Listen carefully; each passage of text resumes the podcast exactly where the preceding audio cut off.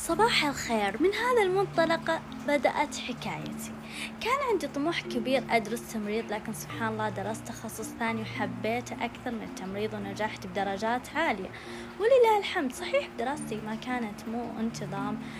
بالجامعة لكن الحمد لله قدرت أنجز رغم ضغوطاتي والضغط اللي كان علي وإني شخص أفكر كثير وأشيل هم اختباراتي ولكن وصلت لهدفي وجاء اليوم اللي أستلم في وثيقة تخرجي والحمد لله يا رب. شيء جميل الإنجاز مهما اختلفت الظروف ومهما اختلفت الأمور أصعب شيء في الحياة إنك تعيش بمكان ما تحبه أو تدرس تخصص ما تبيه أو تتوظف في وظيفة ما تحبها لأنك إذا ما حبيت المكان والوظيفة والتخصص مستحيل تبدع فيه مهما يصير لأن داخلك مو مقتنع بالمكان والوظيفة.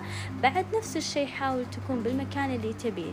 وتخلى عن أي ضغط عليك يجبرك تكون بمكان تحس ما تنتمي له أو تحس مو مكانك مو ميولك أو الناس اللي حولك يكونون مختلفين. ما في توافق فكري بينكم بالمقابل ما راح تقدر تعطي أفضل ما عندك.